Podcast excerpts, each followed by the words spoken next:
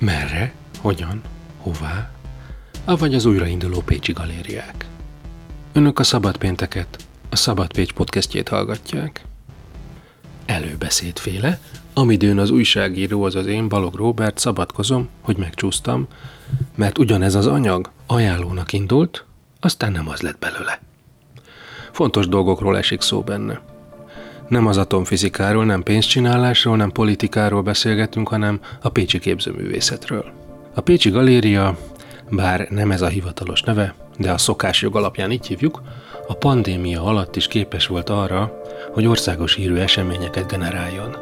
És azóta is mondhatjuk, hogy egymást követik a fontos kiállítások. Ebbe a sorba illeszkedik a Lokárt Képzőművészeti Fesztivál. Július 13 és 18-a között Pécset a magyar képzőművészet egyik legfontosabb helyszínévé teszi.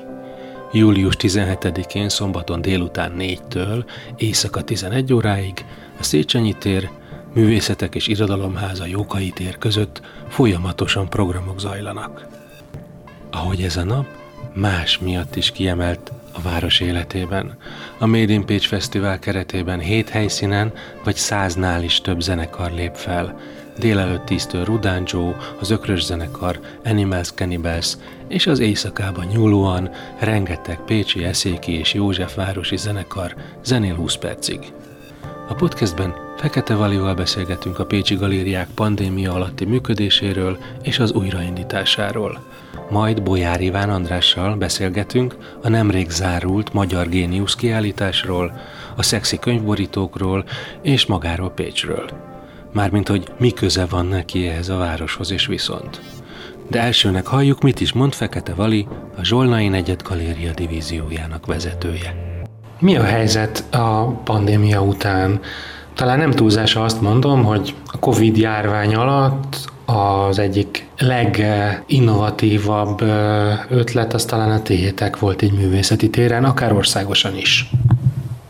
Az országos sajtóba elég nagyot ment ez a közárt projektünk, ami talán annak is a bizonyítéka, hogy egyfelől önmagában is érdekes volt, és talán egy olyan projekt, amiről nem kellene lemondani a pandémiának a végével, vagy felfüggesztésével, vagy valami hasonló. Én már nem merek ilyet mondani, hogy vége, tehát hogy majd látjuk, hogyha két évig nem lesz semmi dolgunk vele, akkor talán vége van. Valóban nagyot ment, nagyon sok helyen jelent meg róla cikk, különböző tudósítás, írás, bejutottunk el az RTL Klub híradóba is, gondolom, hogy ez a popularitás faktornak a mérője is lehet. És tényleg azt gondolom, hogy szükség lenne arra, hogy a művészet az ne, és akkor itt mindjárt Viktor Vazarelit idézném, hogy, hogy ne a fehér falu galériák között legyen jelen, hanem, hanem menjen ki az emberek közé, ahol azok látják, akik, akiknek készül, és nem csak a, azoknak, akik vágyszemű értői a művészetnek, és sokkal kevesebben vannak. Tehát mindenképpen egy izgalmas, jó projektnek tartom, és azt gondolom, hogy nekünk még ezzel dolgunk lesz. Tehát ezt én inkább azt mondom, hogy úgy, ahogy a pandémia ügyet időről időre felfüggesztjük, most ezt a közártot is időlegesen felfüggesztettük, de nem gondolom, hogy nem szeretnénk a továbbiakban folytatni. Bocsánat, közbeszólok. Mm. Aki nem tudja, mi az a közárt, az tulajdonképpen a közértbeni művészet, tehát mondjuk a Hentesnél, nem tudom milyen helyeken volt már fejből, tehát ilyen, ami nyitva volt a pandémia alatt, ilyen kis, kis boltocska, gyógyszertár és szabad felületet adott rá, ott kortárs művészeti alkotások szerepeltek. A konzumnál volt egy Covid installáció, maga a koronavírus jelent meg, ilyen, ilyen terelőbójákból installálva, szóval így, így mint humorral, mint megdöbbentéssel, mint anya és gyermek viszony volt valahol közárt projekt ez akkor indult el, amikor a legszigorúbb intézkedések voltak március 8-ától. És tényleg be kellett zárni a kávézókat, a különböző könyvesboltokat, rugaboltokat és egyebeket, és csak azok lehettek nyitva, amik alapvető élelmiszereket, tisztálkodási cikkeket, illetve gyógyszereket árulnak. Így került a képbe egy húsbolt, így került a képbe a konzumba a drogéria előtti tér, és az aranysas patika pedig a Széchenyi téren. Tehát tulajdonképpen ez a három helyszín volt, ami ezt indította. határozott szándékunk volt az, hogy olyan helyekre vigyük ki a műalkotásokat, ahol az emberek ezek között a szigorú intézkedések között mellett előfordulhatnak. Amit említettél, a Morning Star Fekete Dénesnek az alkotása, az valójában nem egy Covid-ra hajozó szobor, vagy nem annak a megjelenítése, ez Dénesnek egy sokkal korábbi munkája. Valójában itt a viccesnek azt tartottuk, hogy ez a műalkotás azzal, hogy megjelent, és vizualizálva és megjelent, és nagyon sok ember számára ebben a formában tulajdonképpen egyfajta jelenségé vált maga a vírus, milyen érdekes módon rárímelt, vagy mint hogyha megjelenítette volna térbe. Eredendően nem ez volt a művésznek a célja. Csak egy furcsa, sajátos, vizuális egybeesésről beszélhetünk, amit aztán természetesen ebben a szituációban elég jól ki lehetett maxolni. Szóval ez volt az Arany Jánosi, gondolta a fene. Hát szó szerint ez volt, persze. Úgyhogy a Dénes mondta is, hogy hát ő nem Covid szobrot akar csinálni, de ha már így adódott, akkor tulajdonképpen egész jól működik ez a dolog. És hát aztán többen jelentkeztek még, meg kell, hogy mondjam, hogy más boltok, elektronikai szaküzlet, kisebb csemege volt, ami nyitva tarthatott. Sokan jelentkeztek, hogy ők is szeretnének hmm. ebbe részt venni. Gyakorlatilag közben azonban az történt, hogy minket is elért ez a vírus, úgyhogy némileg korlátozottabban tudtunk működni a karanténok miatt az egyébként sem óriás számú divíziónkba, úgyhogy aztán a városban máshol nem tudtuk ezt megvalósítani. Igen, a Hentesnél ott Fresh Mom című kiállítás volt, ami Juhász Viviennek a képei voltak egy finom és nagyon érzékeny témáról, az anya-gyerek kapcsolatról. Ez az, ami a legtöbbet jelent meg a sajtóban, mert ezt annyira bizarnak találta a magyar sajtó, hogy műalkotások a húsboltba, hogy eznek nem tudtak ellenállni, és a másik két helyszín az, mint hogyha nem is létezett volna, mindenki húsboltba akart menni, forgatni, vagy a húsboltból akart tudósítani, szóval ez valami elképesztő volt számomra. Ez a gyógyszertár is nagyszerű volt. Ez, szerintem mind a három helyszín Igen. nagyszerű volt, de a sajtó számára ez annyira abszurd volt, hogy, hogy mit tudom én, egy kérek egy fél kiló darált húst és egy fresh mom képet, szóval, hogy ez nekik annyira nem jött össze, vagy annyira abszurd volt. Noha egyébként a helyszín választásban, főleg a, a húsboltnál és a gyógyszertárnál azért ezeknek a helyeknek az előélete is közreműködött, hiszen pontosan az a húsbolt volt a Búzatéren, ami korábban a Szluka családnak a tulajdonában volt, és tulajdonképpen a Szluka Balázs magát a műgyűjteményét, azt is mondhatnánk, hogy ott kezdte el megalapozni, és hogy már ott általa szervezett kisebb installációk már megjelentek valahol abba a húsboltba, és hasonlóképpen egyébként a, a gyógyszertárban is, tehát ott egy létező műgyűjtőnek, a, mint tulajdonosnak a, a képei voltak ott korábban, mármint hogy az ő gyűjteményének a mhm. képei, és lényegében ezt váltottuk föl időlegesen Szentgróti Dávidnak a munkáira. Tehát igaziból mindegynek van egy előtörténete, semmi sem volt véletlen. Ezt a projektet egyébként látványosan, izgalmasan és egy teljesen másik kontextusban szeretnénk folytatni, mégpedig a Lokárt Fesztivállal, ami az első képzőművészeti fesztivál, vagy Biennálénak az első rendezvénye lesz, július 15-től 18-ig, amit a belvárosban fogunk megvalósítani, abszolút a belváros szívébe, tehát Jókai tér, Ferencesek utcája, Művészetek Háza, Pécsi Galéria és a környező kisebb utcák vagy kisebb tér részek, és itt pedig azt szeretnénk, hogy a műalkotások, vagy a műalkotások egy része megjelenhessen a Ferencesek utcái, utcai, vagy a Jókai téri boltok, vendéglátóhelyeknek a kirakatában. Hogy időről időre mi ezt szeretnénk folytatni, a kontextus változik, itt például egy fesztiválról van szó, amikor azért szeretnénk kivinni és berakni a kirakatokba ezeket a munkákat, hogy számolva a nyári csúcsszezonnal, az utcán jövő menő emberekkel minél több ember számára jelentsenek művészi vagy esztétikai élményt, vagy egyáltalán megismerkedjenek a kortás pécsi művészek munkáival. Ugyanis ez a Lokárt Fesztivál, amit most először rendezünk meg, első körben a pécsi és a régióbeli művészeknek a munkáját fogja hmm. bemutatni. Mi változott most valamikor ősszel, most november, nem is tudom fejből hirtelen, hogy mikor zártatok be, elmaradt egy csomó program, azelőtt is elmaradt egy csomó program, gyakorlatilag egy évi galéria program csúszott, elmaradt, nem jött létre. Most, most ezzel mi lesz, és mi lesz a nyárral, hogy néz most ki? A Pécsi Galéria, vagy Pécsi Galériáknak a programja. Igen, hát én pontosan emlékszem, a napra november 11-én zártunk be, és május 20-án fogunk nyitni.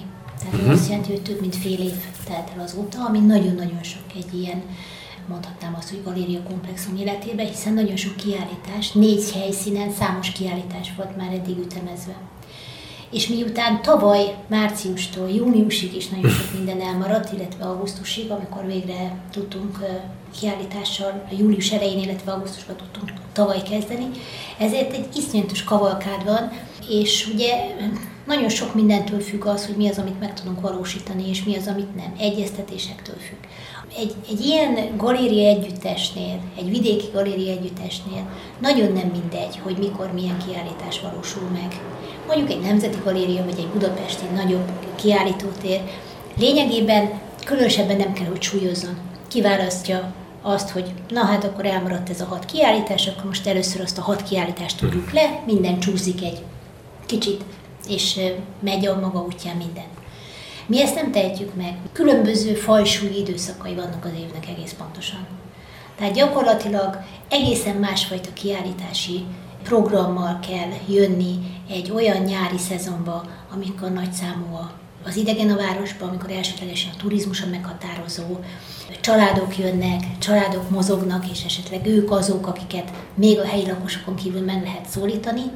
Egészen másfajta karakterű kiállításba kell gondolkodni akkor, amikor itt vannak az egyetemisták, itt vannak a művészeti karosok, egy normál egyetemi élet, egy normál tanév van gyakorlatilag.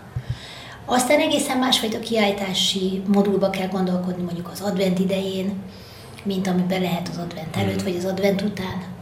Tehát igaziból a nehézséget azért okozza minden ilyen elmaradt kiállítás, mert gyakorlatilag nem lehet egyszerűen az, hogy a sorba álló kiállításokkor elindulnak szépen yes. nulláról, hanem van, ami megint egy évet fog csúszni, pontosan azért, mert különösen, hogyha nagy költségvetésű kiállításról van szó, akkor nem lehet egy olyan szituációban megcsinálni, amikor fele annyi érdeklődőre tarthat számot, mint mondjuk egy csúcsszezonban, egy tényleg egy, hogy mondjam, egy, egy olyan környezetben, egy olyan normál turisztikai helyzetben, e, ami, amit mondjuk 2019-ben vagy 18-ban értünk, tehát amikor a világ még normális és amiben reménykedünk, hogy normális lesz. Tehát itt a nehézséget ez okozza, és ezt nagyon kevesen látják, hogy lényegében ezért specifikus, vagy ezért, ezért más vidéki kiállítóterek programozását végezni, mert hogy van, ha egy bizonyos kiállítás típus az évnek egy bizonyos szakaszához illik,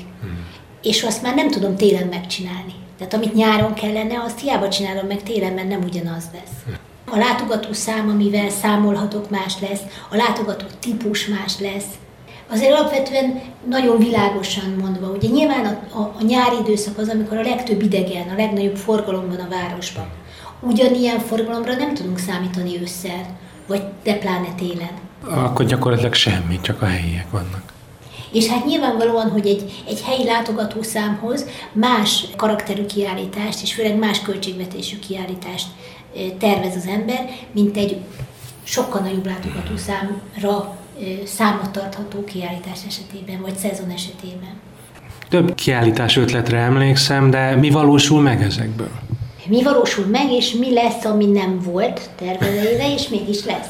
Igen. Mert mi az, ami nincs, és mi az, ami van? Mi az, ami nincs, és mégis lesz. Igen. É, igaziból ez az érdekes ebbe a játékba, azt gondolom. A, a nincs, és mégis megvalósulból. Meg kell említenem a, az őszi kiállításunkat, uh-huh aminek az lesz a címe, hogy Fiesta Latina, vagy Fiesta Grafika, Fiesta Grafika, bocsánat.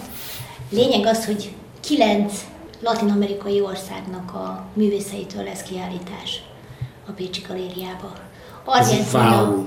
Argentina, Uruguay, Chile, Mexikó, Brazília, Ecuador.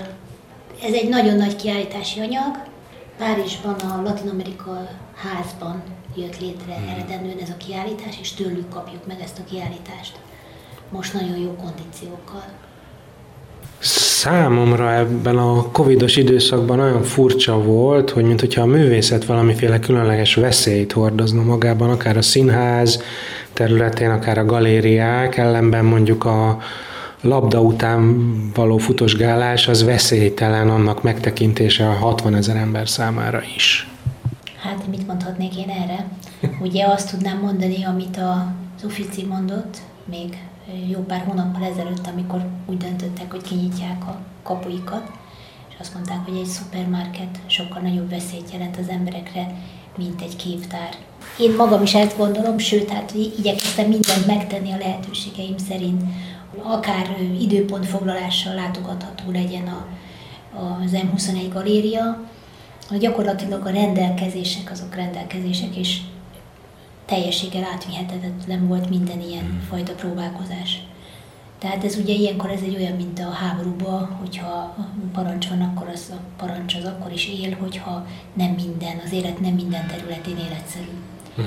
Gyakorlatilag ez reménytelen volt átvinni, sőt, ugye akkor még a saját területünkön maradva, mennyire életszerű az, hogy a kereskedelmi galériák nem fertőznek.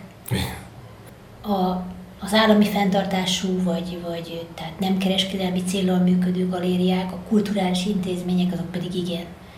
Színészek esetén tudom, hogy mondjuk pizzafutártól kezdve mindenféle egyéb tevékenységbe kezdtek. Most a, a, a képzőművészeket hogyan érintette ez a, ez a pandémia? Azt gondolom, hogy ez merőben más helyzet. Ugye a képzőművész az akkor is ugyanolyan szituációban alkot, mint más a pandémia alatt. Tehát, hogy festeni azt home office-ban lehet. Hmm. Az áteliék, a műtermek, azok, azok a home office-ok egy képzőművész számára az év 365 napján. Tehát azt gondolom, hogy az ő számukra semmiféle változást nem jelentett a műalkotás szempontjából. Anyagi vagy gazdasági értelemben, aki kereskedelmi galériánál van, az ennyiből talán még, még ebben a tekintetben sem érzékelte, hogy esetleg eresett volna bevételtől. Esetleg az egy kérdés lehet, hogy a kereskedelmi galériák mennyire tudtak jól prosperálni ezekben az időszakokban. Bár azt gondolom, hogy elsődlegesen talán nem azok a vásárlói ezeknek a galériáknak, akiket mondjuk súlyosan érintett a jelenlegi helyzet. Hát nem valószínű, hogy túl sok közmunkás vásárolna Csontvárit, most mondjak egy hülyeséget. Az írók azok írtak, a festők azok festettek elméletileg remek műveket. A szobrászok meg szobortak. Szobortak. Jó, jó. Akik meg lehet azok akkor irány a galéria. És most következzék Bolyár Iván András, művészettörténész, építészkritikus, író, galerista, a 2016-os Nagy Pécs könyv alkotója, a Magyar Géniusz című kiállítás kurátora, aki mellesleg a 10 millió fa országos közösség kezdeményezője, bár erről nem ejtünk szót, pedig az is fontos. Mindig csak az abstrakt, meg Pécs. Én, ahogy tartom a fejemet, eszembe jutott egy nagyon régi folyóirat, a nyugatnak lehet talán előszelének nevezni a munkatársi gárdája. Ez onnan származik, vagy ez a magyar géniusz? Hát te nagyon sokkal műveltebb vagy, mint én, mert én biztos, hogy nem onnan. Nem, nem onnan jutott eszembe, nem tudom, eszembe jutott. Valahogy az, hogy hogyan lehet megragadni a magyar szellemet, vagy mi az, ami, ami mondjuk eszenciálisan megjeleníti azt a látásmódot, ami, ami mondjuk talán ránk magyarokra jellemző lehet. És mindezt úgy persze, hogy azokat a fajta sztereotipikus, a turizmusipar által generált ilyen folklorisztikus, hogy mondjam, közhelyeket lehántjuk róla, és akkor mi marad az alján. Tehát a, természetesen a népi kultúránk is állati gazdag, csodálatos, fantasztikus és, és egyedülálló. Viszont nagyon érdekes az, hogy az a fajta tudományos alapú kultúra, ami valószínűleg a monarchia oktatási rendszeréből indul mindenek előtt, tehát egy igen fejlett matematikai képzésből, ami a 19. század második felében mondjuk jellemző volt a magyar oktatásra, a középiskolai rendszerre. Kinőtt egy, egy annyira speciális geometriai, matematikai szemléletmód, aminek fantasztikus a művészetben való lecsapódása, és olyannyira fantasztikus ez a kiállítás, ezt szeretné állítani, hogy van ez a magyar géniusz, mégpedig nagy társadalmi kataklizmákon, korszakokon, rezsimeken keresztül ívelően háborúkon és forradalmakon át, már a száz éve biztosan, hiszen az első munka az 1922-ből származik a kiállított anyagok között, és a legutolsó pedig idei. Tehát a geometrikus absztrakt művészet, mondjuk úgy kassák óta élő, jelenvaló.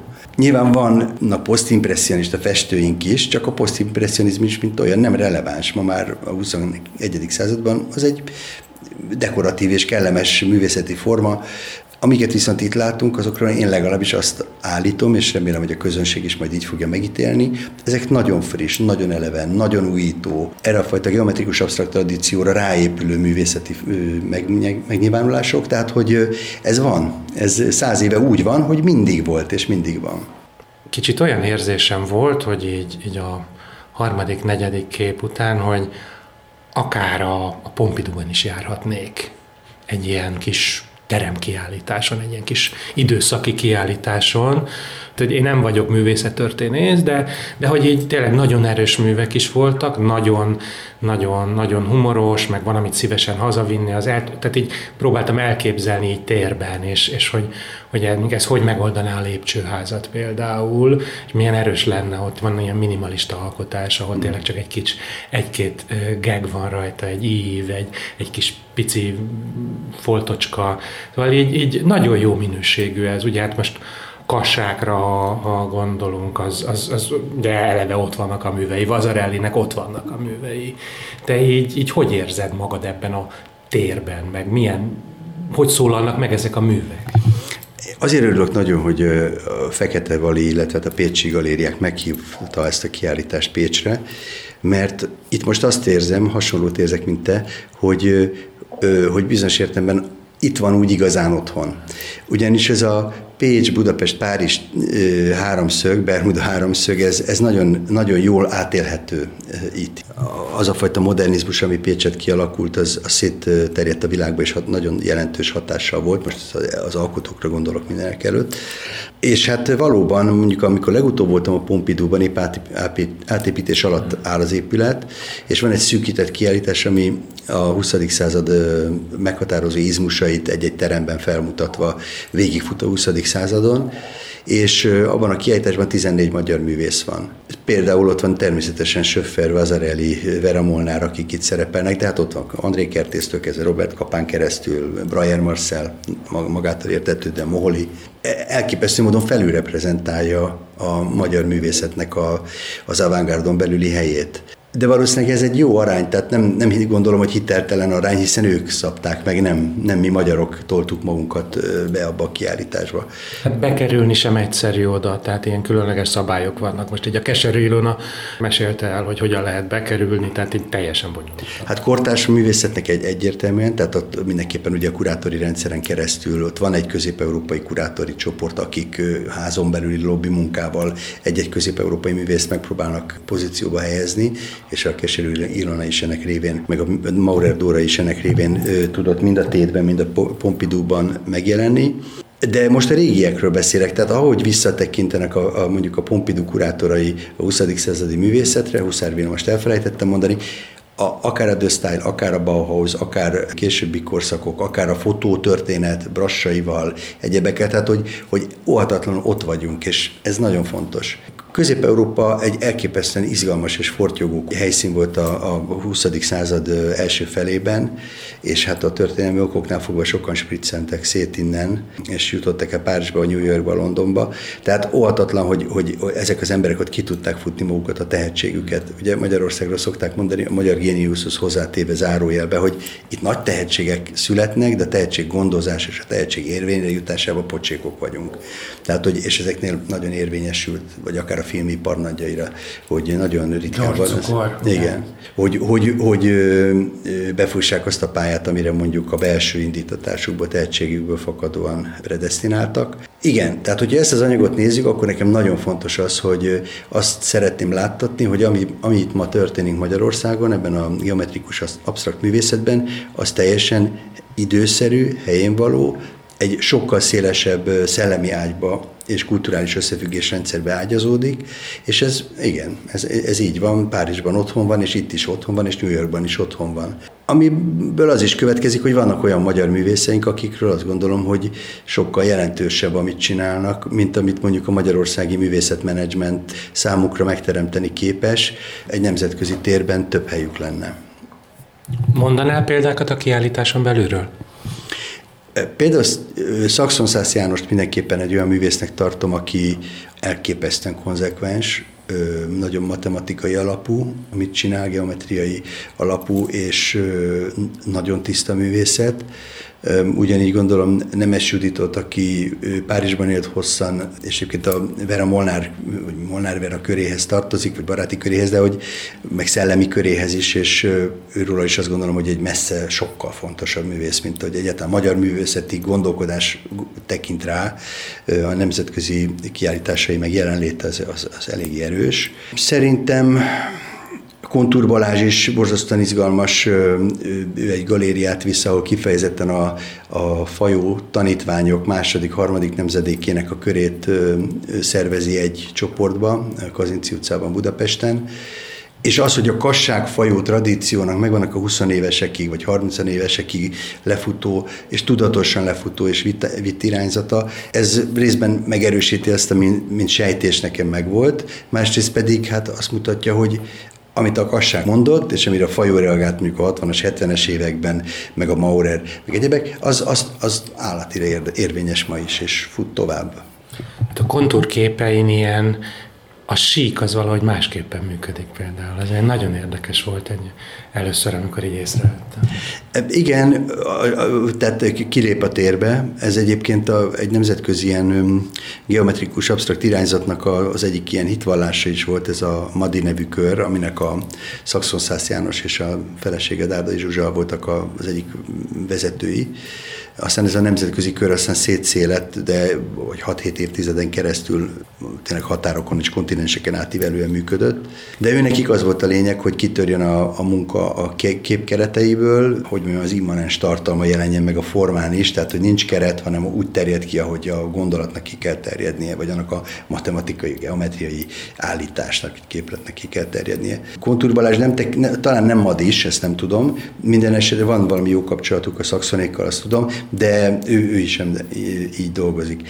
Amit én ebben a kiállításban szeretek, hogy tulajdonképpen azért ez az egész geometrikus abstrakt, ez egy nagyon redukált művészet. Tehát a, feladvány maga az, az egy eléggé szűkre fogott dolog.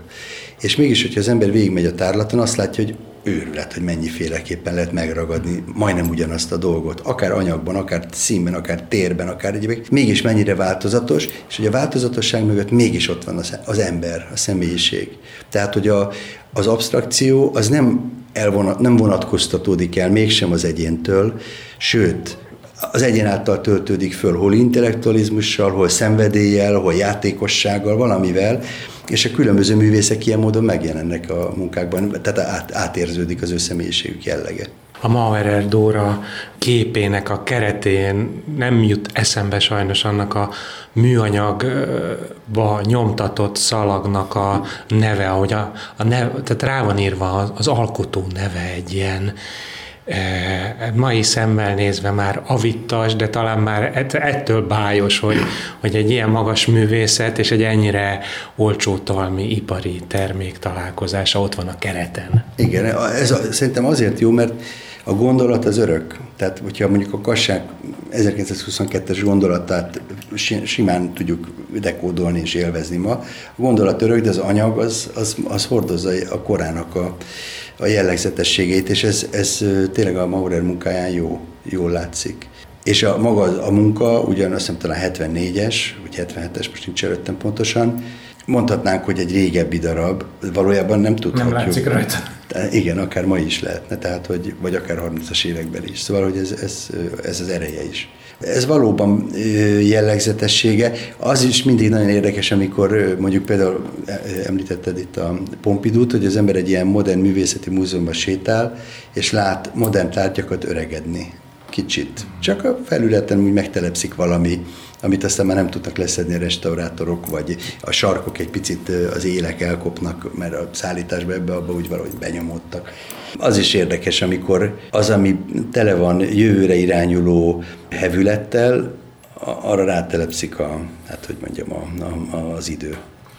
Igen, meg hát a Pécsi Galéria szerintem azért alkalmas ennek a kiállításnak a bemutatására, mert hát van egyfajta ilyen patinája, ami mind a, a szag aurából is, mind az, hogy lemegyünk a föld alá, és egy ilyen hosszú pince, és most kitaláltak alá ezt a ezt a fekete vászont, ami annyira kiemeli a képi világot, tényleg nagyon jót tett neki, vagy én pozitívan érette. Tényleg nem ilyen, ilyen európai levegője lett ettől a kiállításnak. Így van, hát köszönöm, hogy ennek is, de igazából én ezt a, a, az előző kiállításra nagyon jó testördöge kiállításon érzékeltem azt, hogy mennyire jó ez a fekete padló, és rajta vörös szőnyeggel, szóval ott az tényleg, igen. A galéria az nekem nagyon sokat adott, valahányszor Pécset járok, ugye nem vagyok pécsi lakos, mindig valami izgalmat kínál. És azért az utóbbi időben azt érzem, hogy, hogy nagyon, nagyon pezseg. És nekem végtelen megtisztelő, hogy itt lehetek, ugye nem tekintem magam egy, egy, egy a művészeti életben nagyon aktív embernek, de az, hogy, hogy a, ezt a felkérést kaptuk, és elhozhattam a kiállítást, ez nagyon megtisztelő, és, és örülök neki. Azért van neked pécsi kötődése, tehát készítettél könyvet, szoktál ide járni, előfordulsz itt. Mit jelent neked ez a város? Többféle, több síkon tudok erre válaszolni, hogy mit jelent a város. Egyrészt Pécs az egyetlen másik város nincs több másik város Magyarországon, én így látom legalábbis. Vannak uh, urbanisztikai konglomerátumok, amelyeknek városi jellegük van, de az a fajta civilizáció, ami egy városhoz kell, és ami mondjuk Umbriában, minden kisvárosban megvan, vagy Toszkánában, az nincs. Én legalábbis elnézést, hogy én nagyon somásan és csúnyán fogalmazok, és bizonyára debreceniek vagy szegediek megsértődnének emiatt az, ami nekem kell egy városba, az itt megvan, máshol meg nincs. Tehát ennek a városnak azért van kulturális élete, van zenei élete, van múltja, tere, történelmi háttere, és nem pusztán a törökök miatt, hanem egyáltalán, tehát ahogy, ahogy fejlődött. Az is nagyon érdekes számomra, és éppen ezen gondolkoztam tegnap, hogy attól is az egyetlen másik város, hogy mondjuk Budapest város fejlődéséhez és kulturális fejlődéséhez mindenek előtt a polgárság járult hozzá, az ottani német és zsidó polgárság. Pécs esetében ez nem így áll föl. Ha itt kevésbé, például a zsidóknak kisebb szerepük volt. Sokkal erősebb volt mondjuk a, a németeknek. De az, hogy a balkáni kapcsolat. Volt, volt, bocsánat, volt, volt azért szerepük a zsidóknak, csak hát olyan nagyon ügyesen kiirtották őket. Tehát így már egy iskolát se tudtak 45 után Igen. elindítani a náciknak köszönhetően. Igen, hát persze, meg ott nyilván Forbát és, és Brajer, meg egyébként, tehát vannak reprezentáns szereplői ennek, de, de az, ami, hogy tényleg Budapesten egy utca nem képzelhető el, mondjuk a zsidók nélkül, az, az itt azért ez, ez némileg más, és mégis van multikulturalitása a városnak. Tehát az, hogy itt is olyan sokfajta náció és kultúra ömlött össze, ez hihetetlenül gazdaggá teszi, és másképp, egy picit másképp más hangsúlyokkal, mint Budapesten. És ettől izgalmas, hogy egy ország, pláne egy ilyen icipici kis országban, mint a miénk van, kétfajta dialektus a városi civilizációban, azt szerintem egy gazdagságot jelent, vagy mindenképpen az országot gazdagítja. És nem csak ez, hanem hogy, hogy saját képzőművészete, saját nemzetközi világsztárjai vannak ennek a városnak, az is iszonyú, iszonyatosan fontos. Na most persze úgy van, hogy mindenki születik valahol nyilván, de az, hogy Pécset egy picit többen születtek olyanok, akik valakik, azért az, az jelzi, hogy itt valami olyan szellemi televény van, ahonnan azért lehetett indulni, vagy, vagy ki lehetett nőni. És ezt azért tartom nagyon fontosnak, mert erre oda kell figyelni. Tehát ezt meg kell teremteni ma is Pécset, hogy a mostani gyerekek, akik most nőnek ki, azok is azok között is legyen aki majd úgy kifut, és egyszer majd büszke lesz rá a város, hogy innen indult. Tehát a kiállításon, a Magyar Géniuszon ott Vazarelli ez nem csak azért van ott, mert hogy Pécsi születési, ugye? Igen, hát egyáltalán nem azért. Szóval az, hogy most én Vazarellit kiállítatok Pécset, ez egy nagyszerű dolog, de hát nem azért van ott. Tehát ő azért van ott, mert ott a helye. És az egész gondolati ívben, hogy próbáltam úgy rendezni a kiállítást, hogy látszódjon, hogy mondjuk a Vazarelli, Molnár Vera, féle opártos dolog hogyan megy tovább, vagy egyáltalán a, geometrikus abstrakción belül az op, opárt-szerű szerkesztés és, és szemléletmód hogyan érvényesül akár máig az itt tanár bullás festészetéig, vagy a Braun Andrásig. Tehát, hogy, hogy ezért ez egy, ezek élő dolgok, amik, amiket visszavezethetők akár a Vazarelire is. Készítettél egy könyvet is Pécsről az hogy fogadták, vagy, vagy mit, mit, mit, érz, mit írnál másképp benne, vagy, vagy milyen utóérzeted van? Hát az a könyv az, az szerintem eltűnt, vagy elsikkadt, tehát szerintem az nem, most láttam a Made in Pécs boltban, a legfősőbb polcon az árcédulája se látszik. Szerintem két dolgot csinálnék, másik nem írnék benne semmit másképp ma már, de egy sokkal vonzó borítót csinálnék rá. Egy elvont borító került rá, egy gyönyörű zsolnai váza, egy ügyi gyűjteményből az ott a, annak az ornamentikája adta a dísz, de az nem volt jó döntés. Egy hasonló könyvet csináltam a Káli régióról, és ott egy őrületes pipacsos rét van rajta, meg egy fantasztikus. Szóval az, az sokkal szexibb és vonzóbb. Szerintem ez a könyv hát egy, egy olyan, egy, egy, egy, egy időpillanatnak a kimerevítése Pécs életéből, ami mondjuk 5-6-7 évvel ezelőtt volt, most már nem emlékszem pontosan.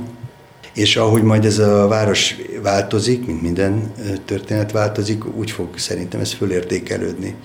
Tehát egyszer majd belelapozni a 2010-es évek Pécsébe úgy, hogy sorsok, emberi történetek, emberi kapcsolatok, sok minden előkerül ebből, az szerintem nagyon izgalmas lesz. Én borzasztóan szerettem csinálni ezt a könyvet. Kérdezted tőlem, hogy mi, mi köt Pécshez, és hát igazából az mindenek előtti motivum, amiért én idejöttem, az az, hogy apám valamikor itt volt. Mégpedig a születésem előtt volt Pécset dolga, mégpedig 58 körül. Szóval neki őt 48-ban lényegében leszalámizták, kitolták a, a közéletből, addig ő egy nagyon nagy egyetemi karrier előtt álló fiatalember volt, és onnantól kezdve 5-10 évig, 10 évig gyakorlatilag állás nélkül volt, és semmilyen nem volt. És akkor 50-es évek végén kapott egy ilyen, hát nem is tudom én így a, a cél, vagy a fene tudja ki mondta, hogy jó, hát akkor most már Bolyár is kapjon munkát, de ne legyen szem előtt, és akkor elhozták Pécsre és az Őrsi Ferenc, aki itt a, azt hiszem talán a színháznak volt az igazgatója, ő hozta el, nagyon jó barátja, és majd meg fogom írni, egyszer lehet, majd megkérdem az Ágoston Zolit, hogy hát a jelenkorban lehozhatom, le fogom írni ezt a barátságot, amit arról tudok, mert gyönyörű, ilyen nagyon bensőséges, szeretetteljes bejegyzések vannak az Őrsi Ferenc könyveiben, a családi könyvtárunkban, amiket apukámnak írt, és ő jelentett az apukámról. Tehát, hogy... Gyönyörű. Tehát barátok ki voltak, és mind a kettő igaz. Mind a kettő igaz. Mi több, olyan szinten, hogy a jelentés, amit írt az apámról, azt akár ki is tehetjük a dicsőség falra, mert leírja, hogy az apám milyen karakánul bekeltek ki a leg, legdurvább rákosi éveket.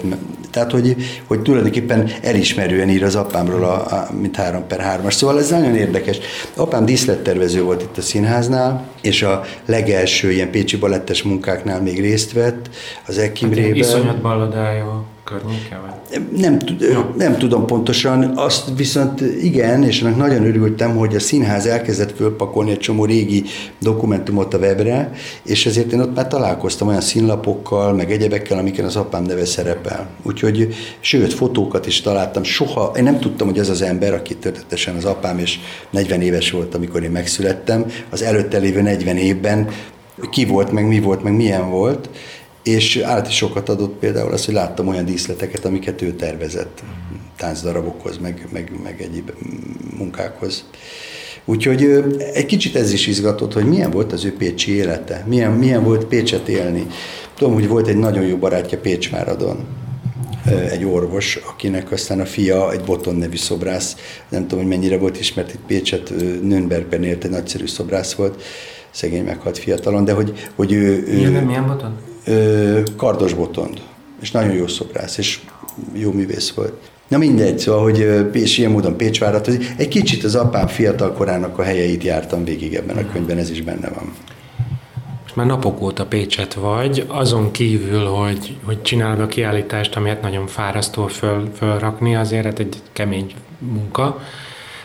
Milyennek látod most Pécset? Mit érzékeltél így jövet-menet? Hát a kemény munkának a javát egyébként fantasztikus jó emberek csinálják. Tehát a, itt a Pécsi Galériában annyira odaadó és jó, jó hangulatú az egész munka, úgyhogy ezt külön élvezem. Mit érzékelek?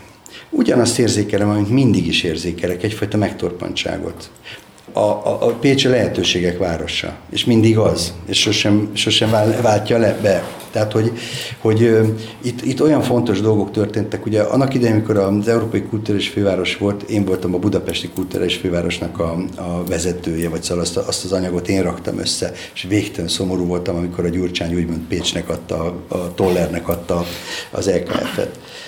De persze gratuláltam nekik, és, és drukkolva figyeltem, hogy hogy alakul.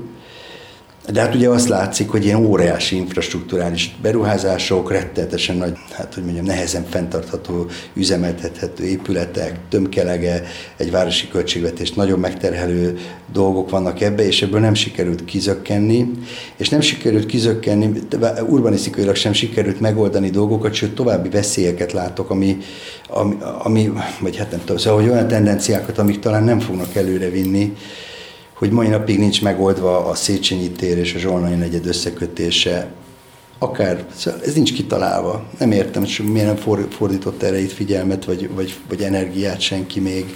Vagy hogyha mondjuk megvalósul az egyetemi negyed az egyetem környéken, az gyakorlatilag viszinteset teljesen szét fogja húzni a várost, és, és ha még van élet a belvárosban, akkor azt elszívja majd az egyetem felé, meg a Zsolnai negyed felé. Szóval, hogy miközben koncentrálni lenne jó egy csomó funkciót a belvárosra, a főtér, az agórát, a fórumot, a marketet, a piazzát bevinni, ez most így mind foszlik a szét, vagy én nem látom, hogy ez, és, ne, és egyelőre nem látom azt, hogy van elég lakos és energia a városban ahhoz, hogy ezt, ezt meg lehessen tenni.